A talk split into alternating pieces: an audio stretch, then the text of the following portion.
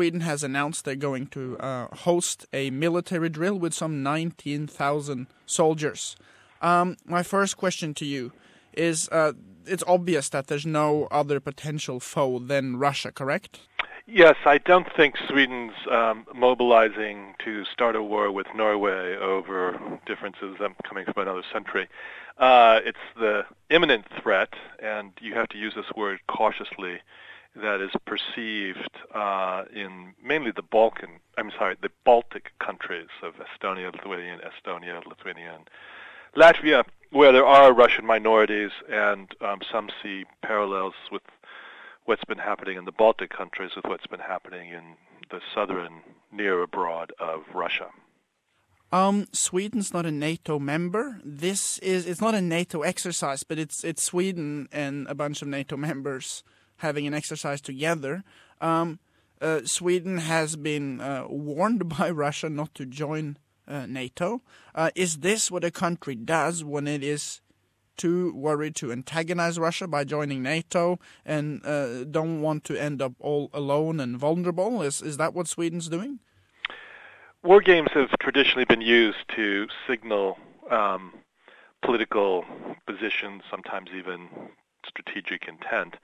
Um, in this case, I, I, do believe that there is a realignment going on. Um, and I think it also signals that there's more of a, um, how to put it, I think that NATO is in a state of flux um, with less leadership coming out of the United States. In fact, in some ways, almost outright antipathy to some European strategic interest. Um, and economic interest, it's understandable that Sweden and other European countries would begin to explore um, new ways of defending themselves, of, of uh, protecting their own interest as a community.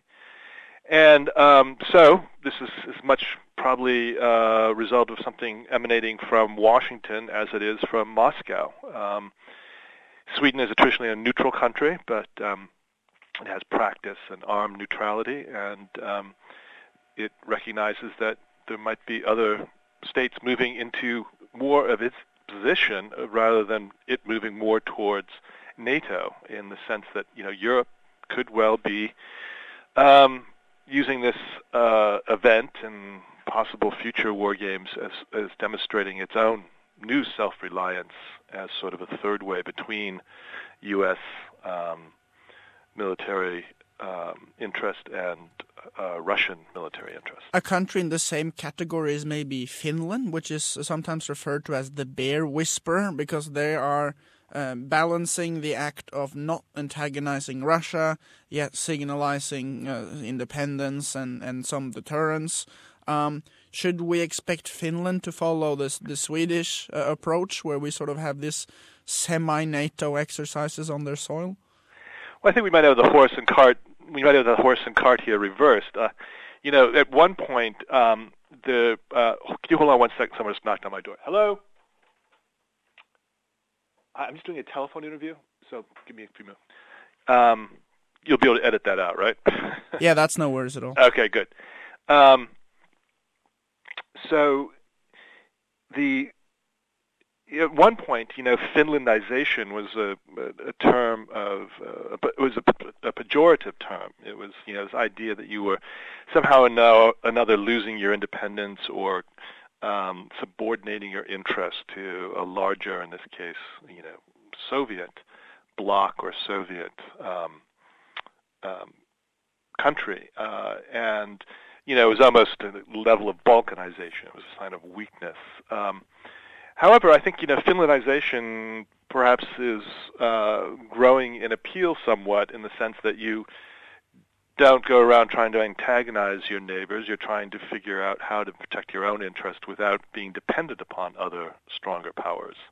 Um, it is, uh, I, I think it's a really interesting time, and to be sure, some people see this as a crisis, but about a very crisis, I think there's new opportunities um, for um, nation states, but in particular um, European states, to find new ways to form a solidarity. Um, and you know, just at the moment when Britain's sort of exiting more on, I think, a populist note, I think other European uh, nation states are seeing this is the time now to rally together.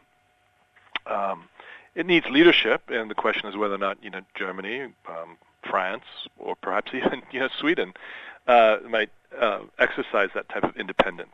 Is this also a way of sh- saying yes, Donald? We do have some defense in Europe. Stop complaining. I don't know if it's quite that personalized. Uh, I try to avoid that, uh, you know, attributing everything to um, Donald Trump. Uh, because he he's saying we're paying for everything, and, and this is, you know, Europe saying, look, 19,000 troops is not nothing. It's well, it's also, uh, you know, I prefer to refer.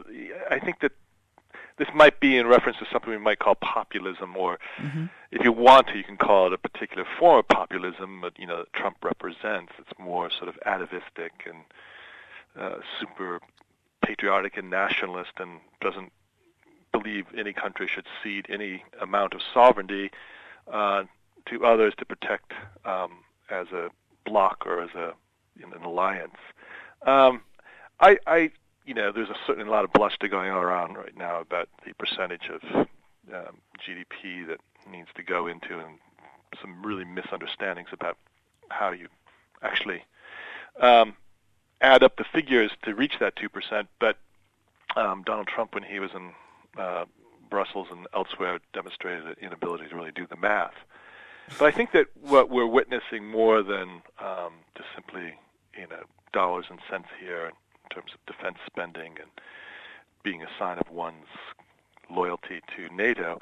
I think there's a political assessment going on. You know, who are your dependable allies, and when if should push come to shove in the Baltic region, you know, is Donald Trump has already said, you know, his interests are Pittsburgh, not Paris, when it came to climate change.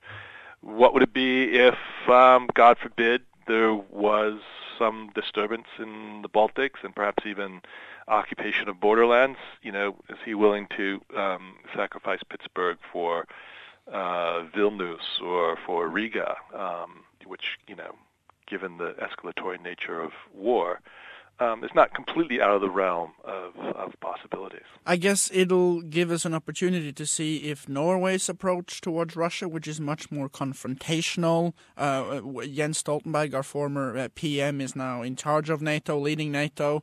Uh, you know, really taking on um, uh, Putin, arguing that he is uh, spreading fake information and uh, calling the annexation of Crimea completely illegal, calling yeah. for increased defense spending. Um, or if that actually antagonizes Russia at a time where Donald Trump's not willing to back NATO. That might might be smoother to be like Finland or, or Sweden, maybe. Yeah. Well, you know, words do matter, and recently Putin's statement, you know, this is unacceptable, but however, there was a qualifying clause after that, um, as there often is for Putin to, you know, make good, uh, you know, make, uh, you know, threats, but always give him a way out when the threats are not effective. I don't think you know. I I, I was actually in a Soviet ambassador's office in 1990, um, where um, I was the Soviet ambassador at the time. The Russia had, Soviet Union had not yet fallen. Um, where he basically said, this is in I think Vilnius, Lithuania, where he said, um, you know, we will just, we cannot, we will not, and will never accept you know, NATO um, forward based in the Baltic regions. So, you know, never is a very long time, and certainly with the acceleration of changes that happened from 1989 to you know the fall of the Soviet Union, um, you know, it's a very collapsing amount of time. We we should be ready, I think, for some major shifts and changes. Um, it's unfortunate we don't have good leadership in two of the most powerful uh, nation states that are involved in. Um, looking ahead, uh, I like gambling. Um, who do you think Putin will invade next? My money is on Lithuania. oh God, you know, I would never take that bet because we're talking about real lives and real people. And, you have to. I, I'm putting you on the spot. You have to guess a country. Latvia, maybe. Well, you would have to look at you know strategic interest, but also what are the internal politics. If we're going to play this game, Putin does pretty good assessments, his own sort of you know risk benefit analysis, and um, you know you got to always leave room for accidents. We were talking about these war games. If you know you have you know two armies or uh, groups of armies um, a short distance apart from each other, uh, maneuvering, and someone mistakes a um, you know what's supposed to be a game for the real thing, then yes, um, stuff can start to cascade, and that's when you really need to have um, smart generals. Um, and I, I wish I could say smart civilians, but you know it might not be the case. Who can get on the phone um, with their counterparts? That's one of the good things about the Cold War is that this sort of military to military diffusing of crises um, was set up, um, and I hope that you know that system is robust and working today.